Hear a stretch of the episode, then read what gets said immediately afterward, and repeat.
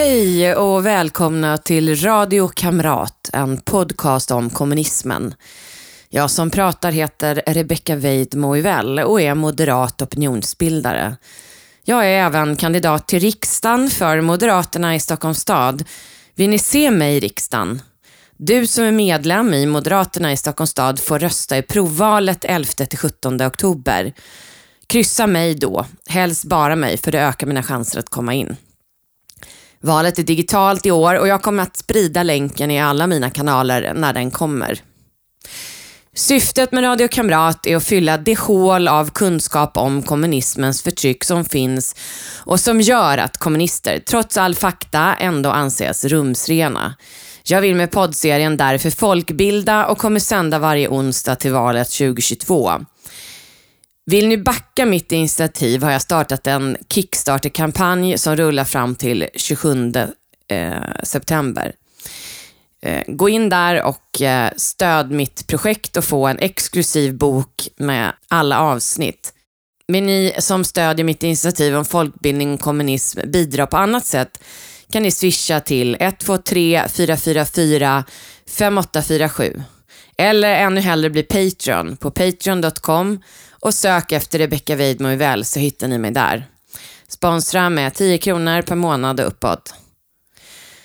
Afghanistan dominerar återigen nyheterna, som de gjort många gånger förut. Men, den, men när den allt mer politiska Magda Gad till exempel försöker skylla på USA som grund för landets problem är det dags att påminna om att Afghanistan varit ett skitland länge. Samtidigt nämnde hon inte varför såväl USA som Sovjet i många decennier haft intressen i landet som skapade talibanrörelsen. I vanlig ordning stavas problemet kommunism.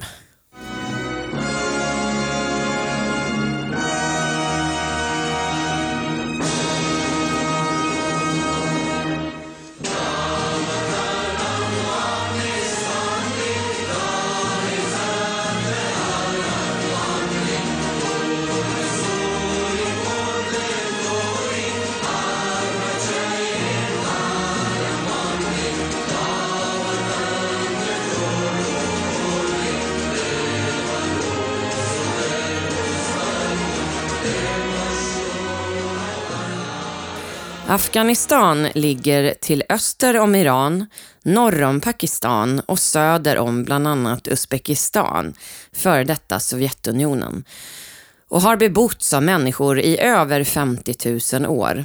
Från början var landet buddhistiskt, men 871 tvingades landet att konvertera till islam av arabiska erövrare. Landet har varit såväl mongoliskt som persiskt och inte förrän 1747 kan man säga att Afghanistan varit ett självständigt rike. Då regerade Ahmed Durrani. Afghanistan hade från början kust mot Stilla havet, men när britterna erövrade delar av landet då Indien och dagens Pakistan var brittiskt förlorade man kustremsan på 1840-talet. 1919 blev Afghanistan helt självständigt från britterna och blev kungarike under Amanullah Khan. Han försökte modernisera landet och styrde öppet med sin europeiskt utbildade fru. Men 1929 tvingades han att abdikera efter ett uppror. Hans farbror Mohammed Nadir tog makten 1929 men mördades 1933. Hans då 19-åriga son Mohammed Zahir blev ny kung men fram till 1953 styrdes i praktiken Afghanistan av kungens farbröder. Kung Zahir blev den sista kungen av Afghanistan. Reformtakten saktades ner rejält under den här tiden för att inte uppröra konservativa muslimska grupper i landet, framförallt på landsbygden. Från 1943 präglades dessutom landet av en konflikt med Pakistan om var gränsen skulle gå. Som till slut resulterade i att gränsen mot Pakistan stängdes och landet tvingades att frakta varor via gränsen mot Sovjetunionen i norr. Redan på 50-talet var Afghanistan ett av världens mest biståndsberoende länder när 50 procent kom från Sovjet och 30 procent från USA. Men totalt sett var Afghanistan mellan 1933 och 1973 i en lång period av relativ stabilitet och fred. 1971 drabbades dock landet av en svår torka under två år och kung Zahir, som i praktiken inte regerade utan det var fortfarande hans olika farbröder och hans kusin var premiärminister, avsattes 1973. Hans kusin Daoud Khan tog makten genom en oblodig kupp och blev efter att ha gjort om landet till republik landets första president. Men 1978 blev det en kommunistisk militärkupp.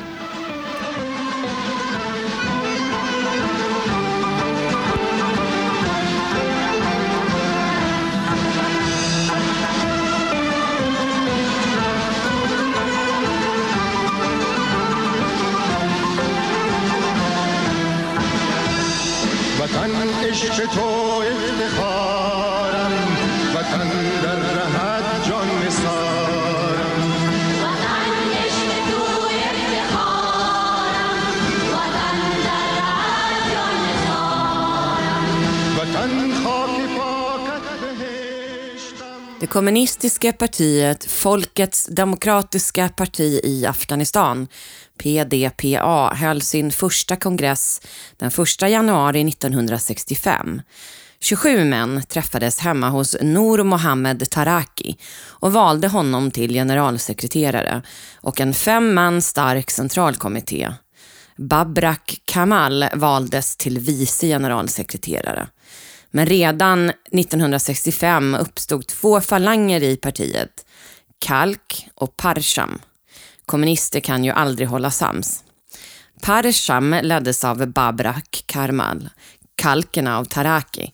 De senare var mer radikala än Parsham, som i sin tur stöddes av den urbana medelklassen. Kalkerna sökte en leninistisk revolutionär omdaning medan parshamiterna ville ta det gradvis genom utveckling. Taraki ansåg att revolutionen kunde uppnås genom att, som Lenin, bygga upp ett starkt arbetarparti. Karmal ansåg däremot att Afghanistan var för underutvecklat för att lyckas med det.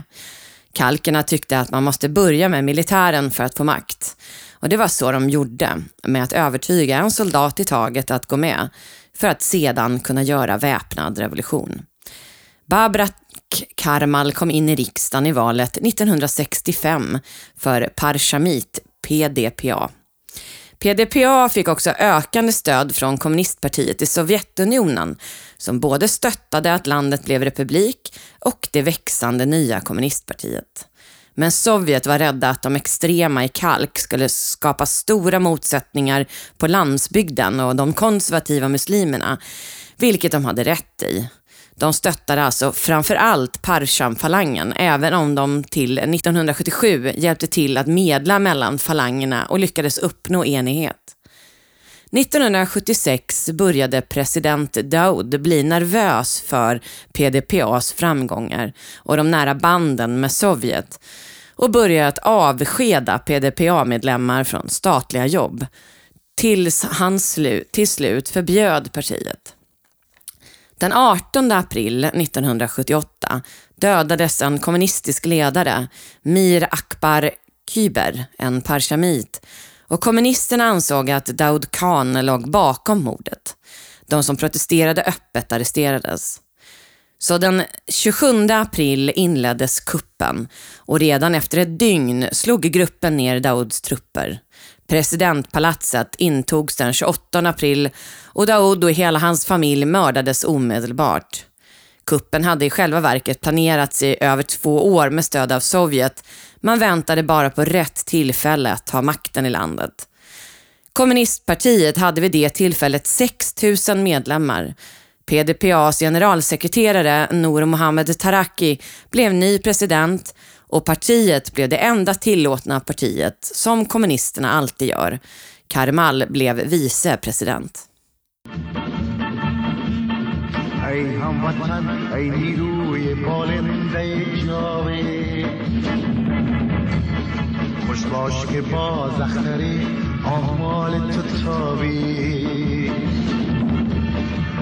هموطن ای نیروی غالب در جاوید خوش باش که با اختر آمال تو تابید ای رنج و Nour Mohammed Taraki föddes i en pashtun bondefamilj den 14 juli 1917. Han studerade själv på kvällskurser då han först kom i kontakt med kommunismen och senare på universitetet i Kabul. Han inledde sin bana som journalist. Efter att ha varit med och grundat kommunistpartiet ställde han upp i valet 1965 men lyckades inte komma in. Som generalsekreterare för kommunistpartiet och president efter kuppen skrev han den 5 december 1978 under ett 20-årigt vänskapskontrakt med Sovjetunionen. För det fick han ökat bistånd av landet. Året efter deltog han på Castros Non-Alignment Movement, frontorganisationen för påstått neutrala länder i kalla kriget, men där många ändå var på Sovjets sida som Castro själv och Afghanistan. På vägen hem från mötet med icke-allierade till Sovjet stannade Taraki i Moskva för att hälsa på vännerna. Där bad han Brezhnev om militär hjälp vid gränserna, som de faktiskt motvilligt gick med på. Brezhnev tyckte att Taraki skulle fokusera på att ena partiet istället. Sovjet ansåg att en militär intervention bara skulle spela deras gemensamma fiender i, i händerna och skapa konflikt med islamisterna på landsbygden samt spä på de interna motsättningarna inom PDPA. Något de fick rätt i.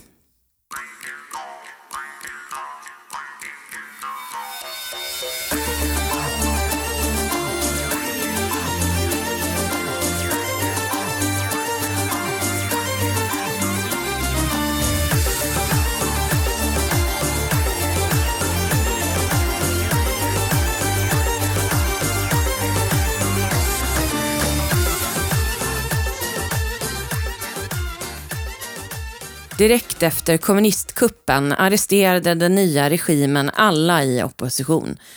Tusentals verkliga och misstänkta motståndare sattes i fängelse. Religiösa ledare, medlemmar ur den maoistiska vänstern, tjänstemän i Dauds administration och allas familjer. De flesta avrättades, ofta efter tortyr. Taraki och hans kommunistiska kamrater började omedelbart inte bara med utrensningen utan också med att försöka omvandla Afghanistan till ett socialistiskt paradis som en stalinistisk jordreform.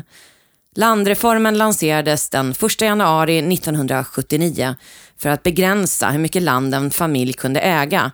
Resten beslagtogs av staten utan kompensation. Kommunisterna trodde att reformen skulle bli populär eftersom de ansåg att det stärkte folket på landsbygden samtidigt som det försvagade borgerligheten. I mitten av 1979 deklarerade de att den var klar och 665 000 hektar land hade blivit redistribuerad. Regeringen meddelade också att bara 40 000 familjer blivit negativt drabbade, eller ungefär 4 procent av befolkningen. Men reformen togs inte emot väl alls och skördarna dök och reformen i sig ledde till ökande missnöje bland afghanerna. När Taraki insåg hur impopulärt det var övergav han den. Månaderna som följde kuppen initierade marxisterna andra radikala reformer som utmanade både traditionella afghanska värderingar såväl som den väletablerade traditionella maktstrukturen på landsbygden. Man får inte glömma här att kommunisterna var som kommunister är, det vill säga ateister som eh, en värdering att afghanska kvinnors rätt till att delta i politiken, skola för flickor och förbud mot tvångsgifte var saker som marxisterna drev igenom.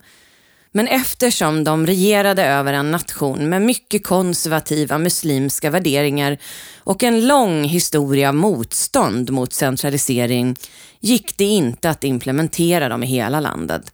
Så detta ledde till att området där kommunisterna i verkligheten styrde minskade. Styrkan i motsättningen mot de moderna reformerna skulle leda till det afghanska inbördeskriget som slutade först 1989. Man avskaffade alla lagar utom civillagarna.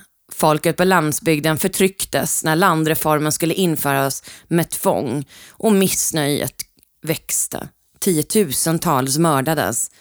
Den hårdföra regimen stötte redan efter ett år på motstånd och folket gjorde uppror. Även militären gjorde uppror i staden Herat och regeringen svarade med bombningar på den egna befolkningen vilket resulterade i att massa människor flydde till Iran och Pakistan. Men bara tre månader efter revolutionen manövrerades parshamiterna av kalakerna ut. Bakom den interna kuppen låg Hafizullah Amin och resultatet var att kalakerna fick ensamrätt att bestämma i partiet genom ett beslut i centralkommittén. Karmal fick hjälp av sovjeterna att fly till Prag i Tjeckoslovakien i juli 1979. Kommunisterna bråkade inte bara internt, de gjorde sig effektivt av med all opposition de kunde hitta. De nu förbjudna opposition, oppositionspartierna hade vid kuppen flytt till Peshawar och de började förse motståndsrörelsen med vapen. Halva den värnpliktiga armén hade redan hösten 1979 deserterat. Motståndsarmén gick under namnet Mujahedin, islams krigare.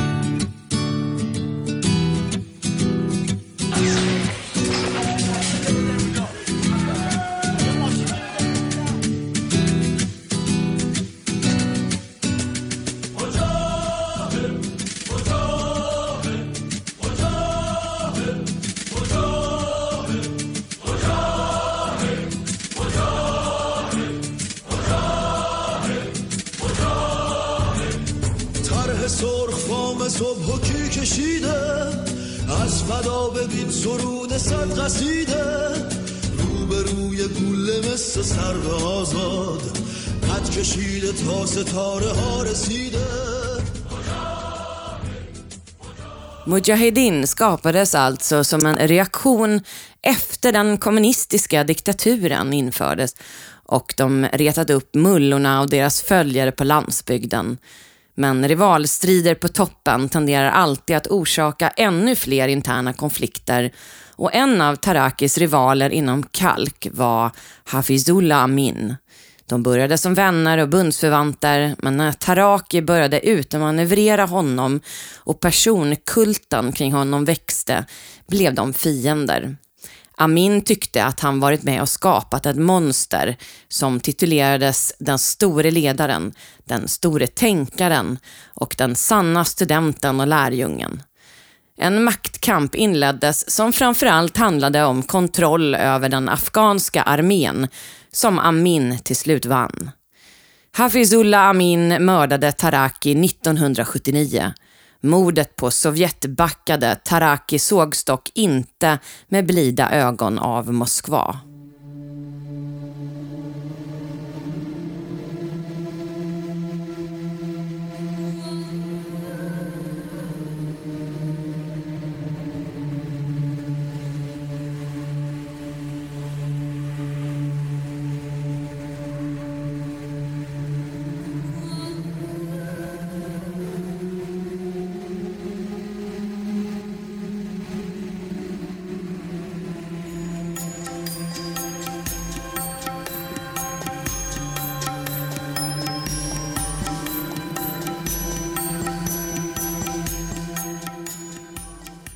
Hafizullah Amin föddes i en pashtunfamilj.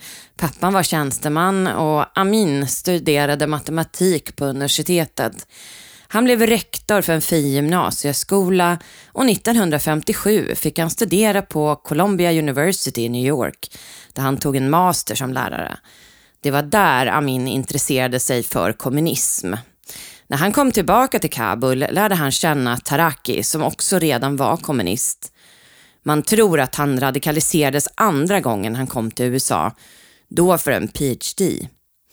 Men han började ägna sig mer och mer åt politik och mindre och mindre åt studier.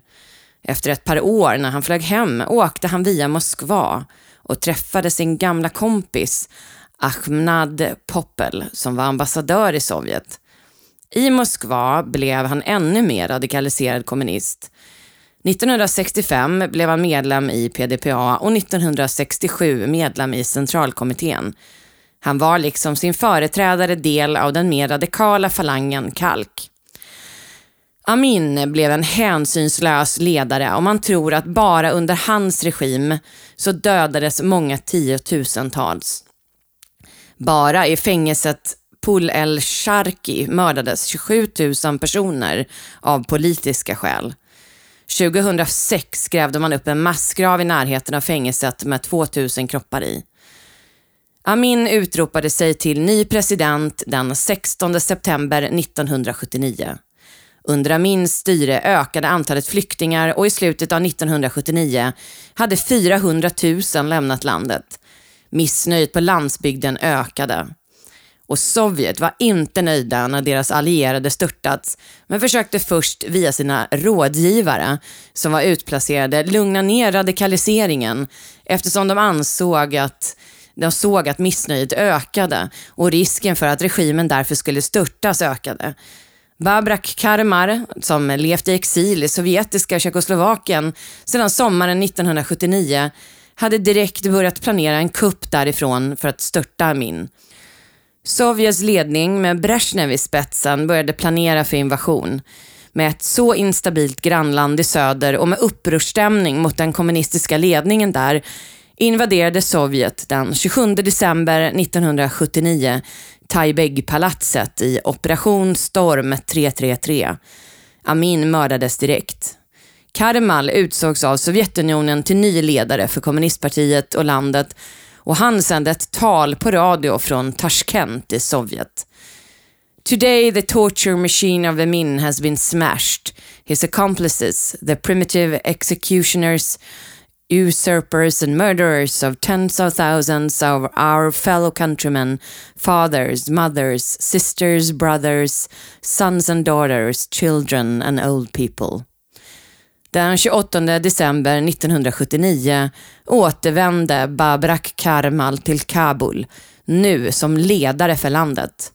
Operation Storm 333 var en del av en större operation, Baikal 79, där målet var att ta kontroll över 20 strategiska fästen runt Kabul. Sovjetunionen invaderade Afghanistan för att byta ut ledningen och den nya presidenten utsåg dem till, som sagt, Babrak Karmar, som ledde den sovjetlojala Parsham-falangen.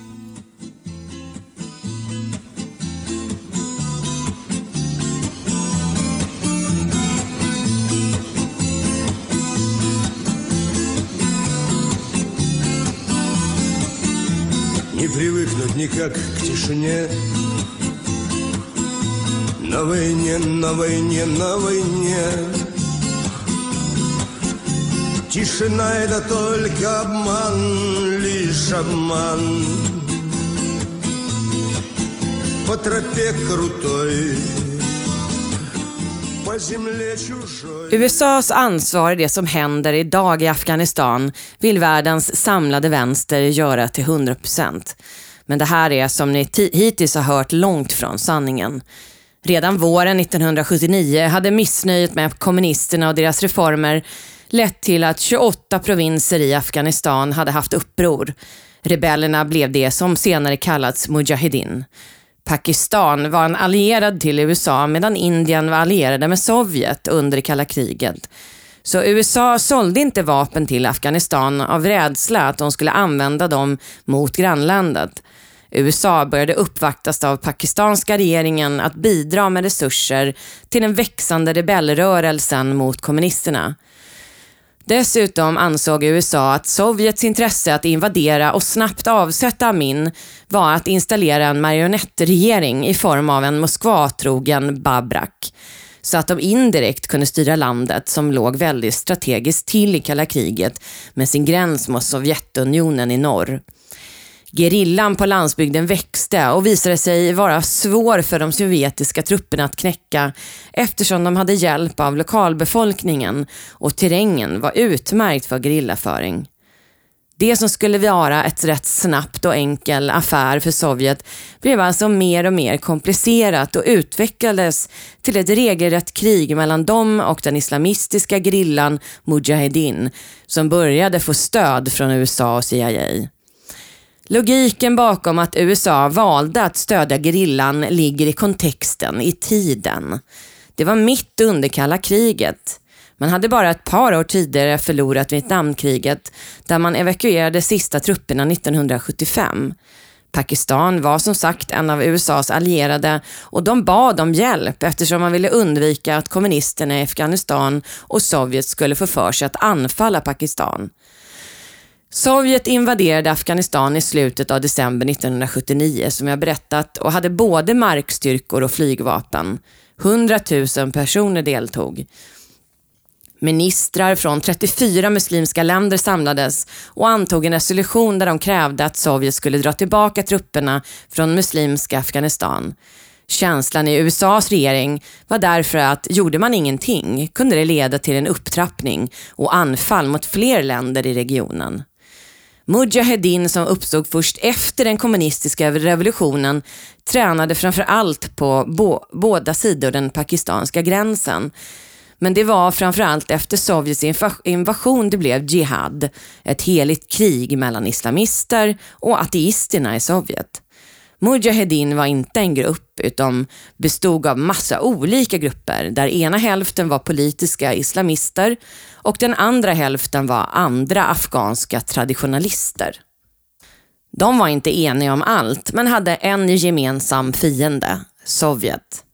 1981 försökte man ena de sju grupperna och ännu en gång 1985, då med press från Saudiarabien, så var den största sponsorn i det wahhabitiska Mujahedin-gruppen. Så Mujahedin fick medel från Pakistan, Saudiarabien och Kina utöver USA. Att påstå att USA ensamt skapat situationen i Afghanistan idag är fel på så många plan.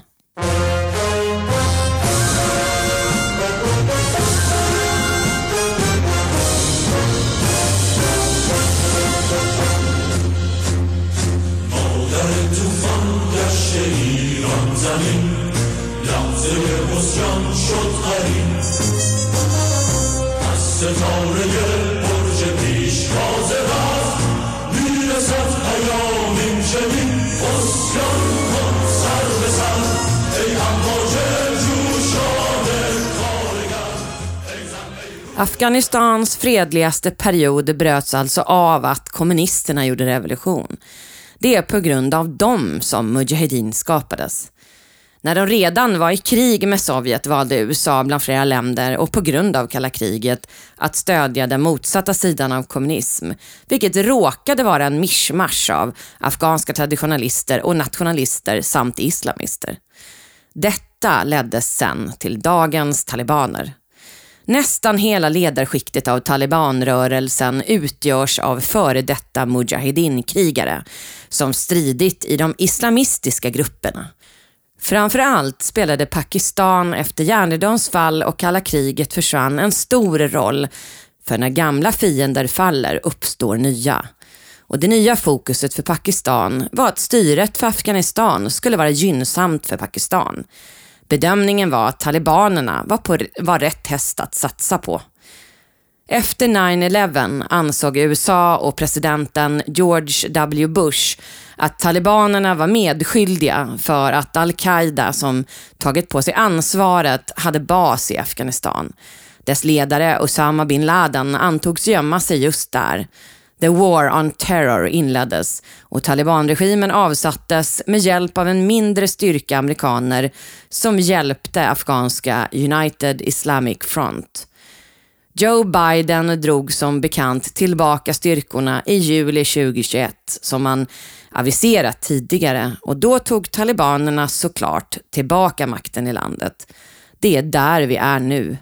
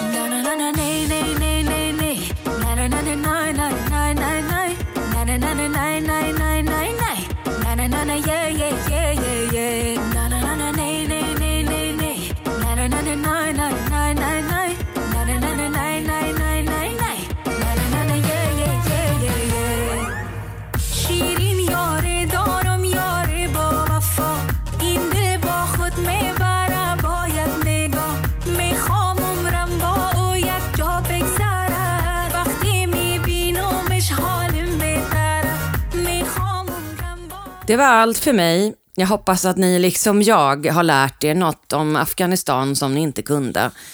Tack för att ni lyssnat. Om ni vill stödja mitt initiativ för folkbildning om kommunism kan ni bidra genom att backa min Kickstarter eller bli Patreon. Sök efter Rebecca Weidmo väl på Patreon och sponsra från 10 kronor per månad och uppåt. Glöm inte att prenumerera på podden så får du alla nya avsnitt automatiskt. Och rösta på mig i provvalet om du är medlem i Moderaterna i Stockholms stad. Tack och på återseende!